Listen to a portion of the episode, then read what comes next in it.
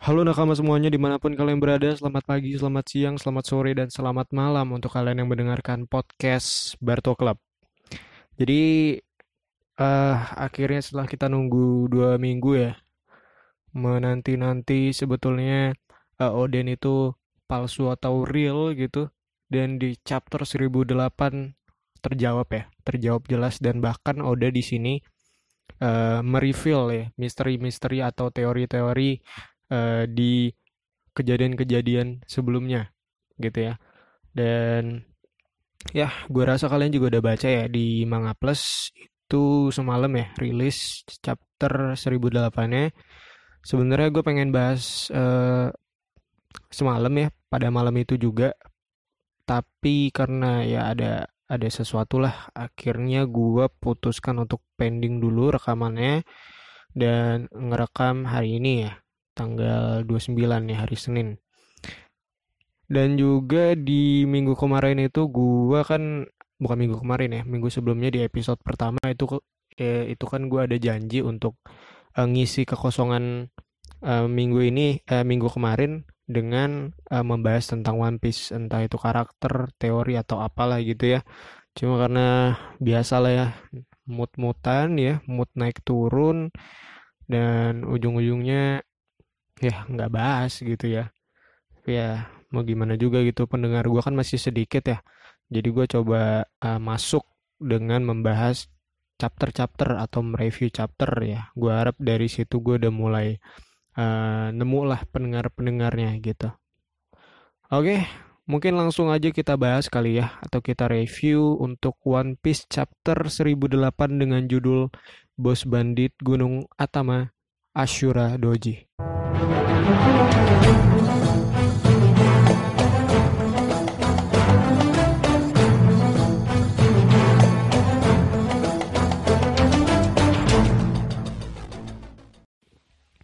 Oke, di sini kalian bisa baca juga ya di Manga Plus ada versi bahasa Inggris dan versi eh, bahasa Indonesia. Cuma di sini gue baca yang versi bahasa Indonesia aja. Buat ngimbangin kalian juga ya bisa sambil baca kita bahas bareng-bareng, oke? Di gambar sampul atau cover page-nya di sini ada Robin yang membuat seekor kuda menjadi Pegasus demi mewujudkan impian si kuda untuk terbang di langit. Di sini dikasih ini ya apa? Tangan-tangan ya ini ya. Tangan-tanganan jadi sayap-sayapan gitu. Oke, langsung aja kita ke page pertama atau halaman pertama. Di sini kita langsung dikasih jawabannya, cuy. Ya. Itu kemarin kita dua minggu nunggu gitu kan menanti-nanti Odin ini real atau palsu ya kan. Dan untungnya di chapter 1008 langsung dikasih nih jawabannya. Oke, di bagian belakang menara kastil kuil harta nih. Sini yang bilang, wahahaha, wajar kalau kalian kaget. Aku datang kemari dengan kekuatan Toki. Tapi karena ceritanya panjang, gue jelasin nanti aja gitu kan katanya. Nah, di sini Kinemo, Neko, Kiku, semuanya lah ya kaget, kaget dan percaya nggak percaya pastinya ya. Di page selanjutnya nih, eh, dia bilang si Oden Maafkan keterlambatanku, tapi kita tidak punya waktu untuk melepas rindu. Sekarang kita harus menghadapi Kaido, bla bla bla. Ya semuanya percaya ya Kazaya ya. Nangis semua lah. Apalagi si Kiyoshiro gitu ya, atau Denjiro gitu. Dia yang paling paling suffering kalau menurut gue ya. Sampai dia tuh mukanya berubah. Jadi aneh. Keren sih, aneh tapi keren sih. Nah di sini eh, sementara yang lainnya, Akazaya yang lainnya itu apa ya berusaha mempercayai apa yang mereka pengen percayai gitu ya. Nah di sini Asura Doji dia bilang apa-apa nih kalian ini sudah pasti dia tuh sosok palsu kan. Jadi Asura ini jadi satu bukan satu-satunya sih ada Raizo juga nih yang nggak percaya ya. Jadi dua orang ini tuh eh, menolak percaya bahwa itu Odin karena ya iya ini di page selanjutnya di page selanjutnya ya mereka tahu bahwa ya manusia tidak akan bisa kembali ke masa lalu gitu. Kekuatan Nonatoki adalah kemampuan untuk pergi ke masa depan. Sedangkan Tuan Oden udah mati pada hari itu. Jadi walaupun pergi ke masa depan pun, fakta bahwa Oden mati itu nggak akan berubah gitu kan. Kira-kira katanya kayak gitu.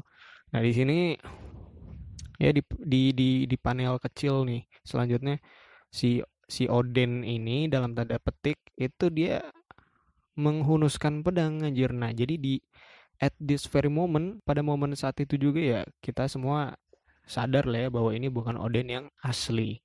Jadi jawabannya jelas bukan Oden asli tapi Oden palsu ya. Menurut gue ini udah pas banget karena kalau ini Oden asli ya kurang lah pokoknya.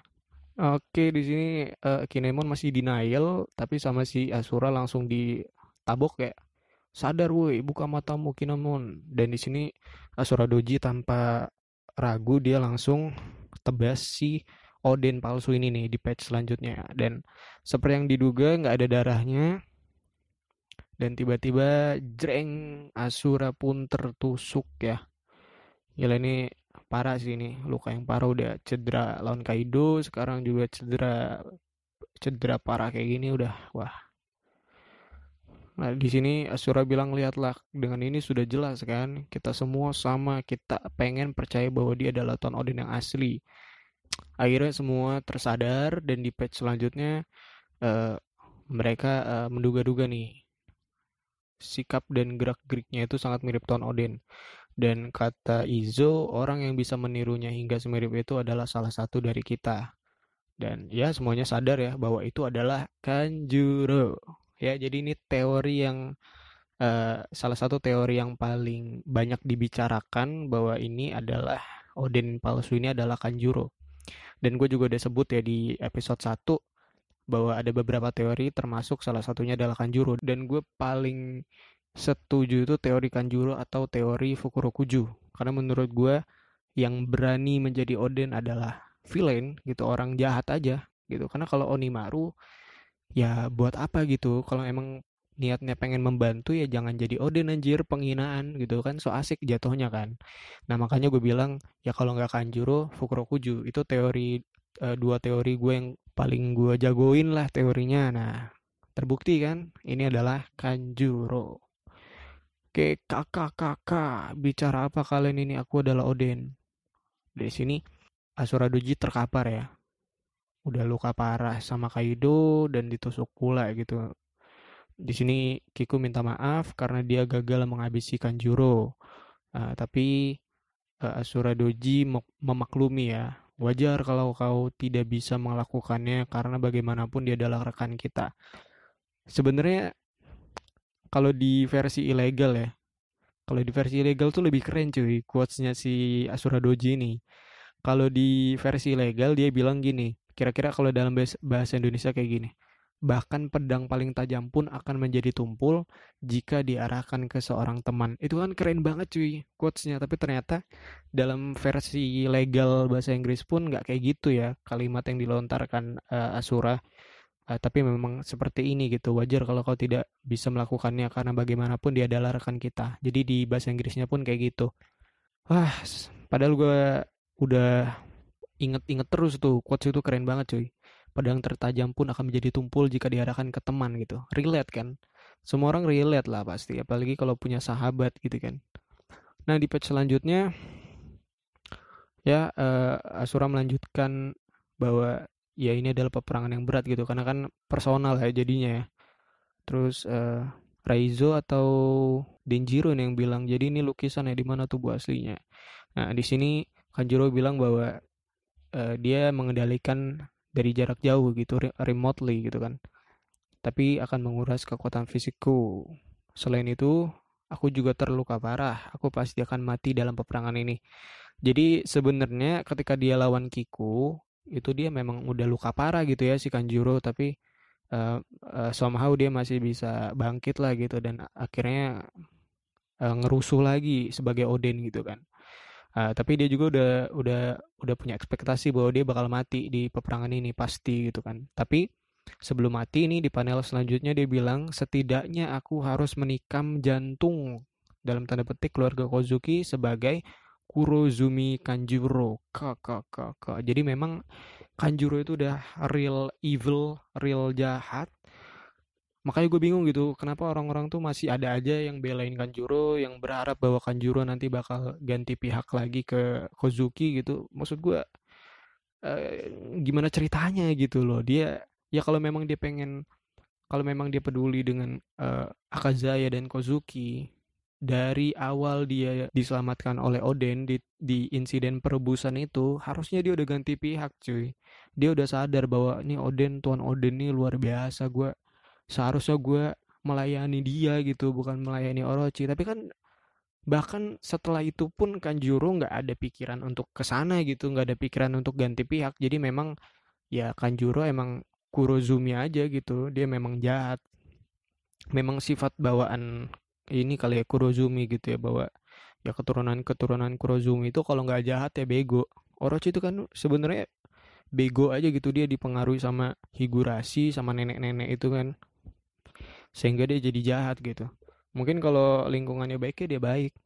Nah, terus juga Kanjuro kan karena keluarganya dipersekusi gitu dan akhirnya di uh, apa ya di di diadopsi dalam tanda petik sama Orochi dan dipengaruhi lagi ya udah gitu apalagi Kanjuro ini kan aktor gitu ya dia dia hidup dalam sandiwara lah gitu tapi kan pada dasarnya dia uh, loyalnya ke Kurozumi gitu loh ke klannya jadi ya kalau mau ganti pihak nggak mungkin dan gue nggak bakal setuju juga kecewa sih.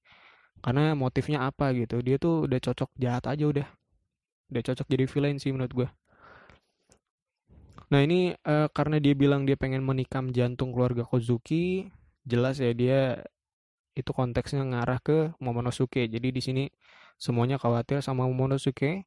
Dan di pan, uh, page selanjutnya uh, si Oden palsu ini ini ya apa namanya ternyata punya apa tuh bom bunuh diri ya anjir.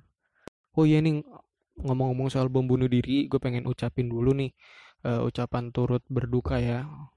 Turut berduka karena lagi rame banget kejadian di ini ya bom bunuh diri di Makassar ya di katedral yang lagi rame banget. Terus juga di sosial media itu akhirnya jadi banyak perpecahan jadi banyak adu domba. Wah gue sedih juga sih. Tapi ya gue harap ini nggak berlangsung lama. Gue harap juga kasusnya diusut tuntas sampai ke akarnya.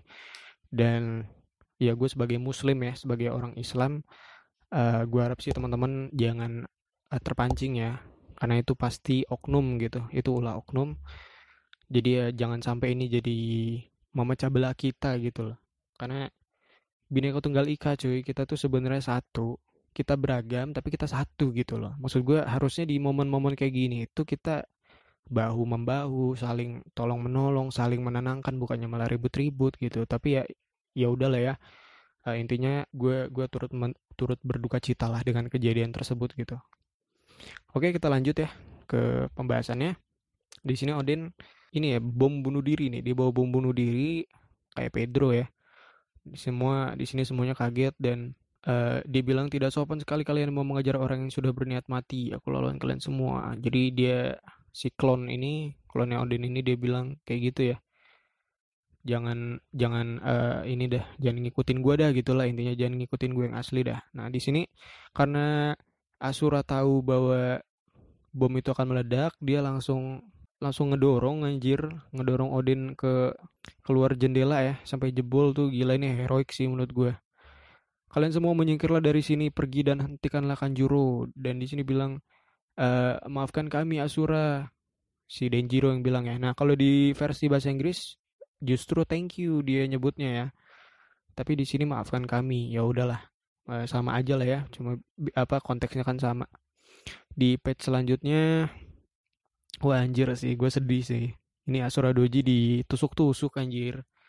Ditusuk-tusuk sama si Kanjuru babi ini. Aduh ditusuk-tusuk brengsek jangan jangan alangi aku nah di sini Asura bilang ini kalimat terakhir ya Tak akan kubiarkan kau mencemari nama baik Kozuki Oden lebih dari ini dan akhirnya bom pun meledak.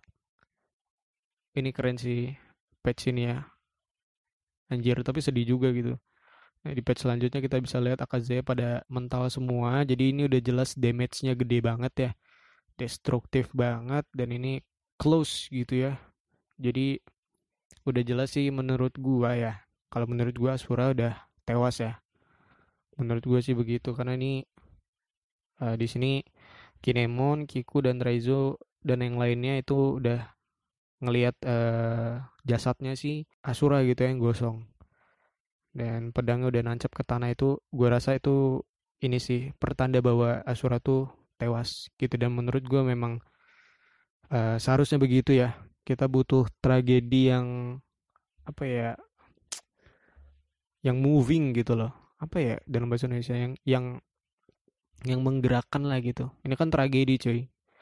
Kita kan belum dapat tragedi yang ada ada ada karakter yang tewas. Dan menurut gue ini uh, salah satu tragedi yang kita butuhkan lah gitu. Dan di sini kita bisa lihat Kiku gue rasa sih dia yang bakal paling paling sedih gitu ya. Karena dia merasa gagal dia merasa uh, gagal membunuh Kanjuro dan gue rasa nanti dia bakal menuntaskan gitu ya menuntaskan uh, misinya untuk ngebunuh si Kanjuro atau yang bunuh Kinemon I don't know. Tapi yang jelas uh, ini jadi semakin uh, memberikan kejelasan bahwa Kanjuro itu jahat. Jahat sejahat jahatnya orang ya dia gitu. Enggak sih.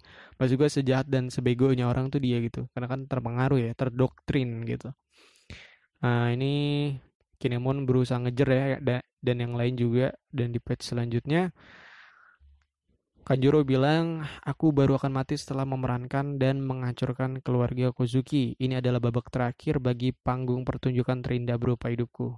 Ya kan? Dia udah nggak peduli sama kenangan dia bersama Kozuki dan Akazaya. Dia pun nggak peduli kalau dia bakal mati gitu. Jadi emang kampret aja si Tai ini. Ini di patch selanjutnya eh patch selanjutnya di panel selanjutnya nih tiba-tiba Jack muncul ya. Jack muncul dia bilang uh, dia datang sedikit terlambat karena dia habis ngajar para Mings ya. Wah ini ada Mings harimau nih keren ya. Gue baru tahu anjir kalau ada Mings harimau. Keren sih. Gue nggak pernah lihat atau miss ya. Nggak tahu deh. Nah di patch selanjutnya nih Inu ya, dia bilang, Neko, Raizo, kalian semua pergilah duluan. Nah, dia bilang di sini si Jack, apa kau berniat menantangku seorang diri? Raja siang hari, anjay.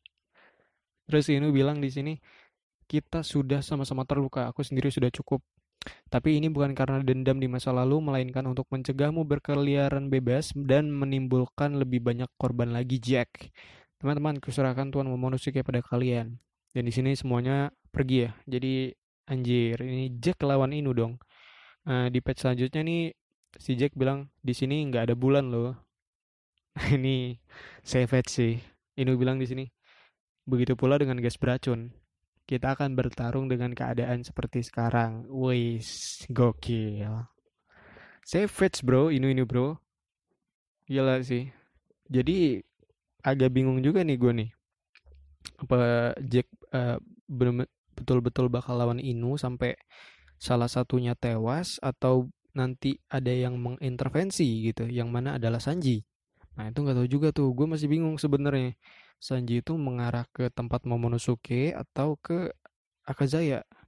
Tapi kalau misalkan ke Akazaya itu artinya bakal uh, intervensi nih si Sanji gitu untuk ngelawan si Jack ini. Karena kan mau bagaimanapun juga Jack ini kan All Star ya tapi ya dengan cedera kayak gini sih gue rasa masih bisa ngimbangin lah Inu ya.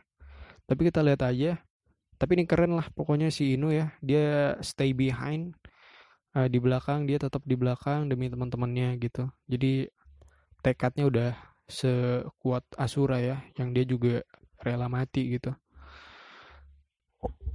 Dan ini di panel-panel selanjutnya aduh ini chapter padat banget cuy. Banyak banget revealnya gitu ini Orochi masih hidup.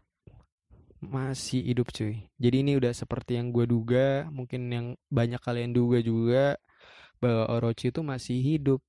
Gitu. Gue nggak heran sih karena kalau kita ngelihat dari buah iblisnya kan Yamato no Orochi gitu ya. Kepalanya ada delapan. Jadi kalau gue sih ya asumsi gue dulu ya walaupun lu tebas kepala dia ya dia masih punya tujuh kepala gitu loh. Dan karena tipe buah iblisnya Orochi ini kan mythical ya. Mythical uh, devil fruit. Jadi pasti ada kekuatan mistisnya gitu. Ada kekuatan mistis bawaan. Dan ya mau kepalanya lu uh, tebas satu kali masih ada tujuh. Mau lu tebas sekali lagi masih ada enam. Gua rasa sih kayak gitu ya konsepnya nanti. Uh, kita lihat aja apakah bakal diperlihatkan. Nah di sini si Orochi ngamuk ya karena dia dihianati Kaido. Jadi dia berencana untuk membakar Onigashima gitu, membakar semuanya gitu sampai habis, sampai nggak ada tempat untuk melarikan diri. Nah, di sini ada Fukurokuju juga ya. Jadi memang uh, Fukurokuju bukan mundur dari pertempuran ternyata, tapi memang menghampiri jasadnya Orochi gitu. Seperti yang gue bilang juga di episode sebelumnya kan. Gue nggak tahu sih proses uh, resurrection atau revive-nya itu kayak mana, tapi gue rasa Fukurokuju ada perannya ya. Punya peran dalam menghidupkan kembali Orochi. Menarik sih. Gue penasaran uh, Orochi bakal bagaimana nanti apakah dia bakal uh, menyerang ke semua pihak atau ke Kaido aja tapi menurut gue sih ke semua pihak ya tetap ya ke Kaido dia ada rencana ke Akazaya juga ada rencana menarik sih kalau ujung-ujungnya Orochi uh, ini ya duel ya karena Boy Iblis dia itu kan ganas juga sebenarnya cuy cuma karena penampilannya aja dan ya kalau emang dia bisa tarung ya gue sangat menantikan itu sih Oke, kita di sini balik lagi ke Momo ya. Ke pihak Momo. Ini di page selanjutnya. Di sini uh, Momo udah balik lagi jadi manusia. Di sini dia bilang, sebenarnya aku sudah bisa mengendalikan kekuatanku ini dengan lebih baik.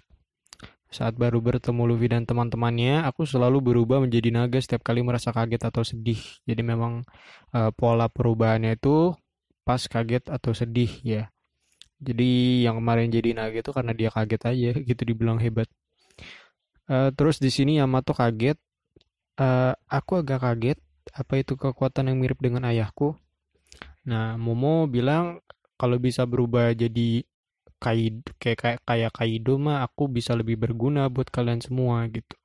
Nah terus si Yamato keinget Luffy dan dia penasaran Luffy baik-baik aja atau enggak? gitu. Dan dia pengen ngalahin Kaido juga gitu pengen ngalahin bapaknya sebagai Odin ya.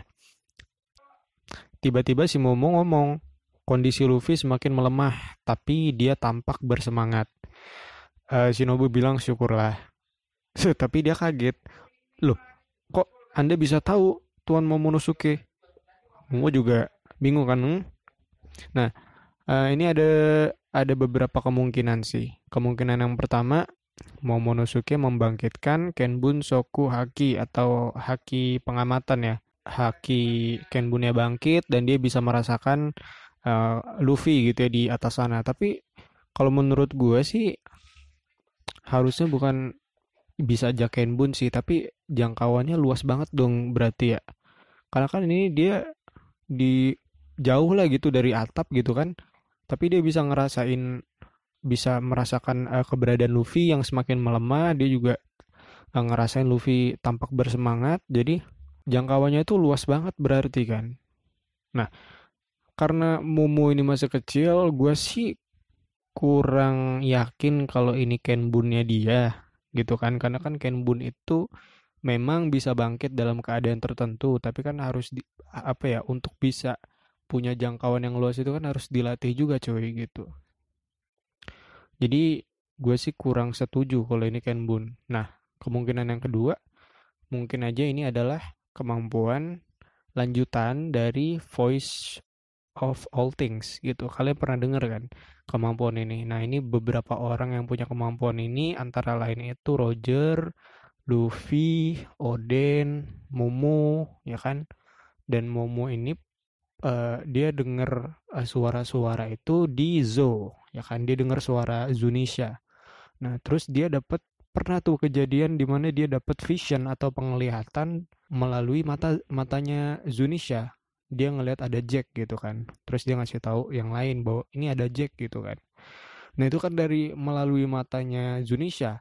Karena kalau di versi digital color ya, itu ada efek vignette gitu, vignette yang uh, di sekelilingnya itu warna hitam gitu itu kan tanda bahwa Momo dapat vision atau penglihatan dari matanya Zunisha. Nah, kalau versi manga hitam putihnya itu kan kurang jelas gitu. Jadi mungkin orang bingung di situ. Tapi kalau versi digital colornya itu dia dapat penglihatan dari Zunisha. Nah, mungkin itu adalah kemampuan lanjutan dari Voice of All Things dan gue lebih setuju pada kemungkinan kedua ini.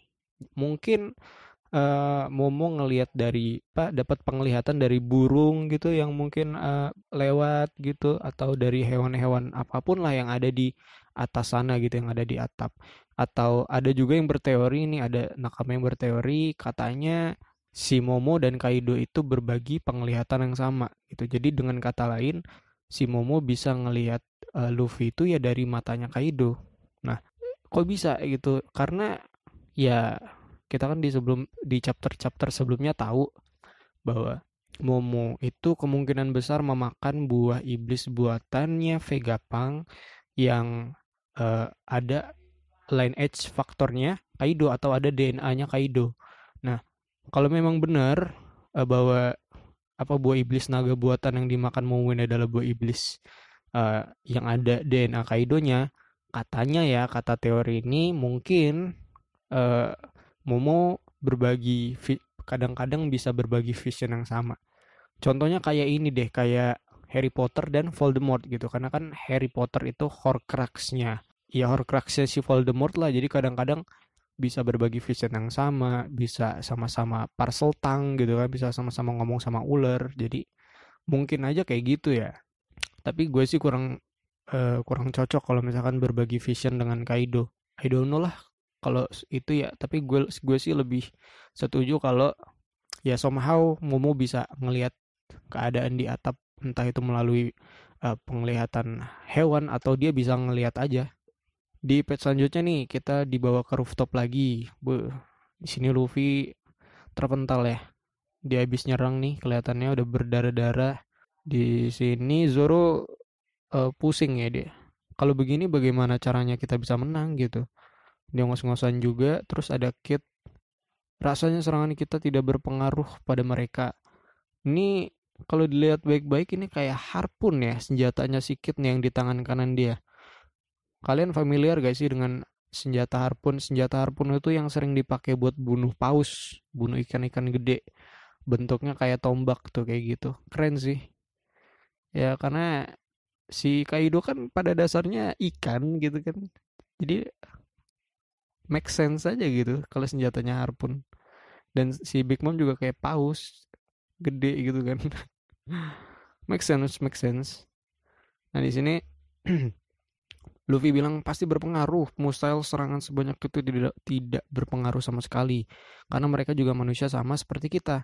Gomu gomu no. Nyerang lagi dia dan di patch selanjutnya ini double patch ya. Uh, Luffy mental lagi. Jadi si Zoro makanya dia pikir dulu sebelum menyerang gitu kan. Killer juga bilang dengan level kekuatan seperti itu bisa-bisa hanya lu bilang mereka bukan eh mereka juga manusia. Jadi kalian mau terima begitu saja kalau kita tidak bisa mengalahkan mereka, makanya dipikirin dulu blok gitu kan. Istilahnya kalau di Indonesia dia kayak si ternyata muslim gitu kan. Makanya pikirin dulu blok gitu kan. Nah, lo di sini punya rencana nih, ya bareng Zoro bareng Kit juga, kita harus memisahkan keduanya terlebih dahulu. Zoro setuju, Kit juga dibilang kalau mereka berdua berdampingan seperti itu, rasanya tempat ini jadi bagai neraka. Oke, oke, oke. Kalian lihat, kalian lihat nanti dulu ya. Kita selesaiin dulu bacanya. Di sini Luffy, di sini Luffy bilang kalau cuma neraka sih aku sudah berkali-kali mengunjunginya. Malah bagus kalau gitu. Anjir, keren, keren. Dan di sini Kaido bilang, topi jerami, sorot matamu memang tidak pernah padam ya. Wih, mukanya boy. Oke, kalian bisa lihat ya, di sini double patch. Langsung kita ditunjukin dengan hybrid formnya Kaido. Wih, keren sih.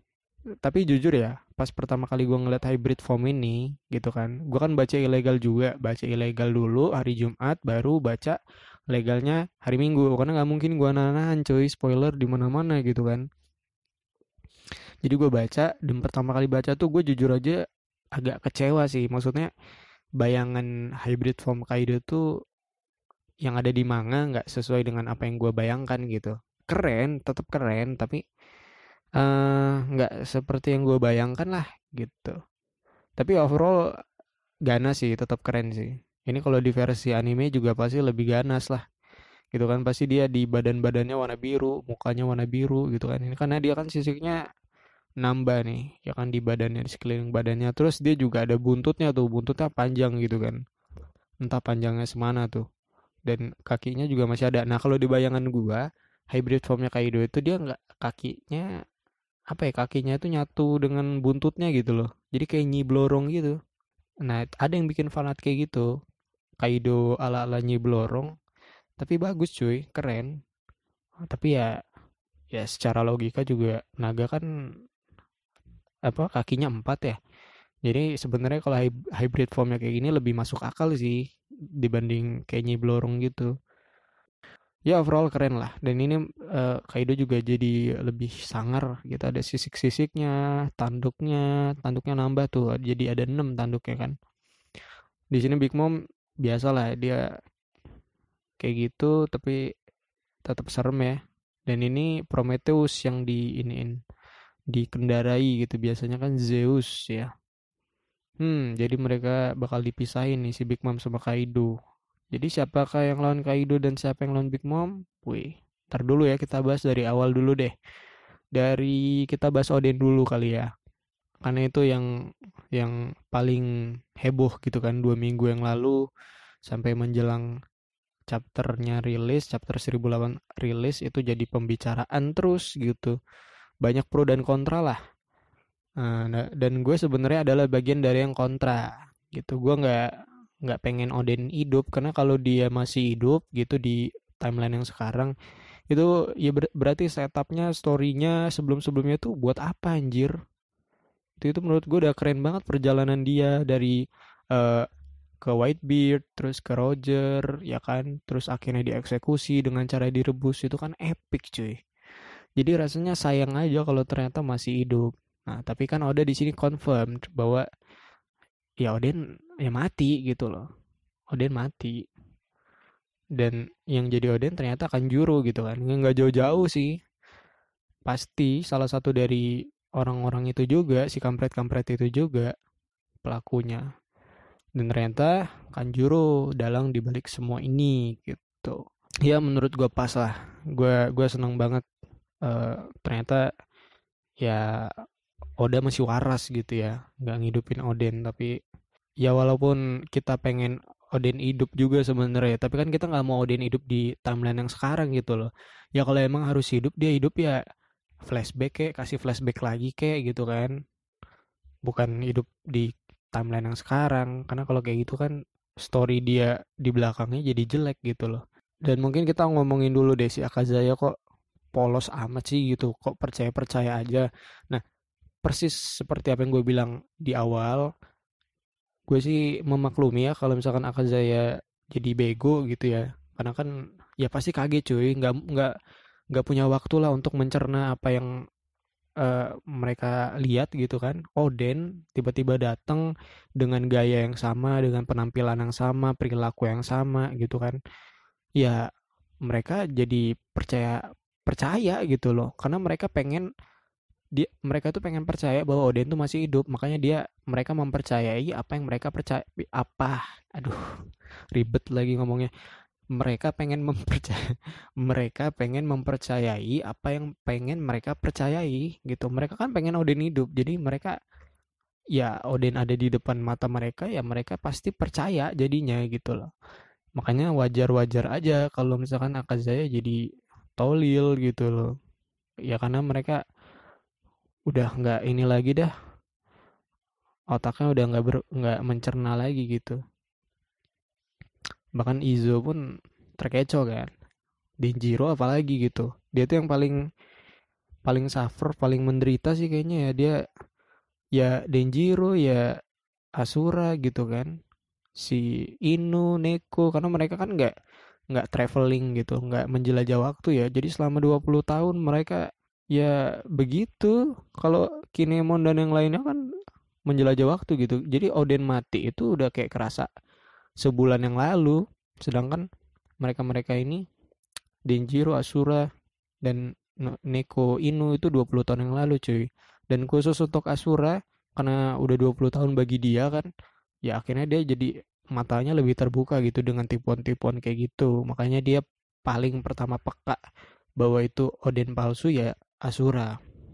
Terus juga ternyata Raizo juga sadar gitu bahwa uh, lu lu harus inget cuy kata-katanya Toki kata-kata Nona Toki bahwa manusia nggak bisa kembali ke masa lalu. Ya benar kan? Ya memang memang uh, kekuatan Toki adalah kemampuan untuk ke masa depan doang gitu kan ini harusnya udah confirm sih bahwa manusia tidak akan bisa kembali ke masa lalu. Jadi uh, kekuatan Toki menurut gue udah terkonfirmasi cuma bisa ke masa depan nggak bisa ke masa lalu. Nah ya Odin kan pada hari itu udah terlihat mati ya. Dia direbus dia ditembak kepala ya terus tenggelam juga gitu kan dalam apa e, minyak yang panas ya. Jadi kalau secara logika mati gitu. Tragis memang tapi itu epic buat gue ya itu keren banget dia kan matinya juga nyengir lebar gitu cuy tersenyum tersenyum bangga gitu kan nah ini si uh, Reizo bilang Tuan Odin sudah mati pada hari itu. Meski pergi ke masa depan pun fakta bahwa Odin mati nggak akan berubah gitu. Ya karena kalau memang ini beneran Odin, itu artinya kan Toki ke masa lalu dong. Ya kan dia uh, ke masa lalu di mana sebelum Odin mati, lalu dibawa ke masa depan kan begitu. Tapi kan gimana ya? Justru itu bikin timeline baru dong. Ribet lah pokoknya kalau ngomongin tentang multiverse ya atau alternate universe tuh. Dan soal Asura yang mati yaitu tadi ya gue respect lah sama Asura gitu walaupun dia tuh kelihatannya yang paling cuek kadang-kadang mungkin lo orang ragu gitu ya ini Asura ini sebenarnya loyal atau enggak sih maksudnya ya dia loyal tapi maksudnya dia tuh sebenarnya peduli gak sih karena kan dia nggak sering sering kali nggak nunjukin itu gitu kan. Tapi ternyata dia yang paling care dia yang paling peka. Dia juga pengen percaya bahwa itu Odin tapi kan gimana ya kalau kita ngeliat kenyataan gitu kan. Dan akhirnya Asura uh, mengorbankan diri ya dengan cedera kayak gitu. Masih juga dia uh, melindungi teman-temannya dari bom bunuh diri si klon ini ya. Dan menurut gue sih mati. Ya menurut gue tewas. Kalau misalkan hidup gitu kan. Karena kan kita punya contoh-contoh nih kayak Pel Pound bapaknya Chiffon sama Lola terus kayak Pagaya bapaknya si siapa lupa lagi gue yang di Skypia yang kena petirnya Enel tapi ternyata masih hidup. Itu kan mereka semua ini ya uh, kena ledakan gitu kan. Terus Pedro tapi kan Pel Pound terus sama Pagaya kan masih hidup gitu. Sedangkan Pedro kan kayaknya sih mati ya. Nah menurut gue Asura juga mati tewas ya kalau misalkan nanti Oda buat di twist lagi ternyata masih hidup nggak apa-apa juga sih. Tapi menurut gue kalau dia memang tewas di sini ya udah oke okay lah udah fine lah udah bagus gitu. Karena dia mati secara heroik cuy melindungi teman-temannya melindungi Momo juga kan. Terus melindungi harga diri Odin juga. Jadi ini cara cara mati yang menurut gue terhormat lah gitu buat uh, Asura Doji. So kalau misalkan Asura memang beneran mati respect Asura Doji. Uh, dia nama dia jadi title chapter ini dia layak lah gitu dia worthy gitu. Nah terus kalau soal Kanjuro sih gue rasa Kanjuro bakal lawan Kinemon sih pada akhirnya. Gue rasa Kinemon yang paling uh, paling berhak lah untuk uh, ngal ngalahin Kanjuro gitu ya. Walaupun Kiku juga jadinya punya tanggung jawab kan. Dia merasa anjir gue gagal lagi bunuh Kanjuro dan akhirnya Asura yang tewas gitu. Ya dia merasa bersalah lah anjir gitu kan. Nggak tahu deh ini yang lawan Kanjuro bakal Kinemon atau Kiku. Tapi siapa pun yang ngebunuh Kanjuro ya sama-sama layak gitu kan. Karena kalau Kinemon kan dikhianati gitu ya dikhianati dari ya Kinemon sama Kanjuro tuh udah sama-sama dari semenjak menjelajah waktu gitu loh dari Dressrosa ke Zo gitu kan dan dikhianati tuh rasanya sakit cuy lo kayak ditusuk sahabat sendiri gitu.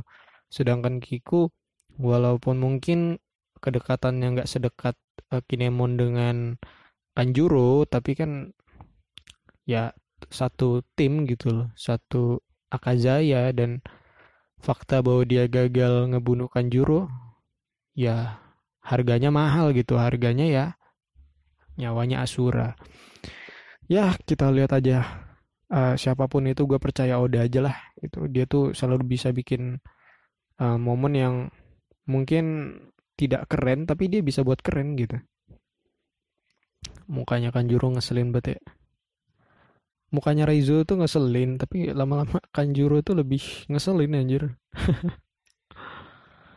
Nah di sini juga kita coba bahas Jack nih. Jack di sini Jack lawan Ino uh, gue sih oke-oke aja nih Ino lawan Jack karena Ino tuh kuat cuy.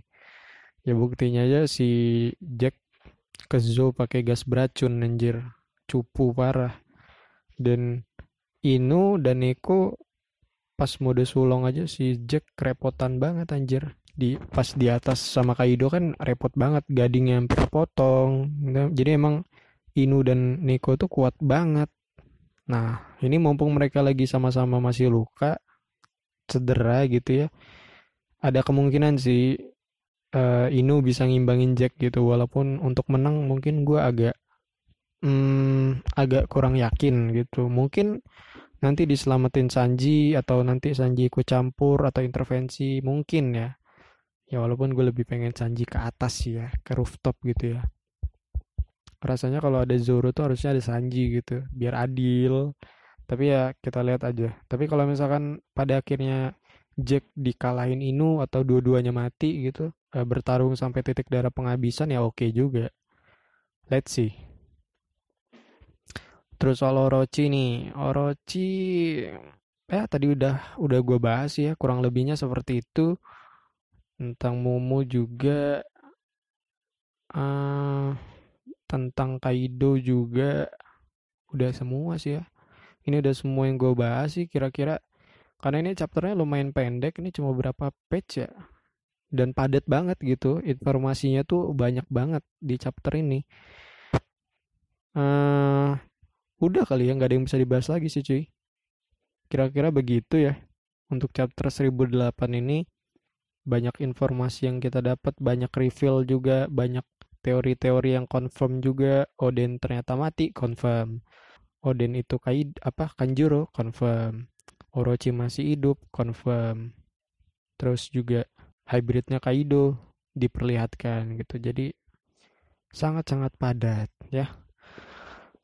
Oke kali ya mungkin itu aja untuk chapter 1008 ini pembahasan yang sangat menarik ya One Piece itu nggak pernah berhenti menjadi menarik ya nggak pernah nggak pernah boring gitu kecuali animenya. Animenya kan pacingnya slow cuy. Jangan dibandingin sama manganya.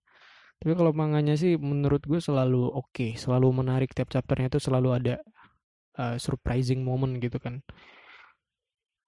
Ya udah mungkin itu aja untuk pembahasan chapter 1008 ini.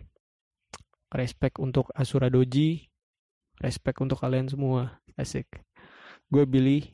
Terima kasih udah mendengarkan podcast Barto Club.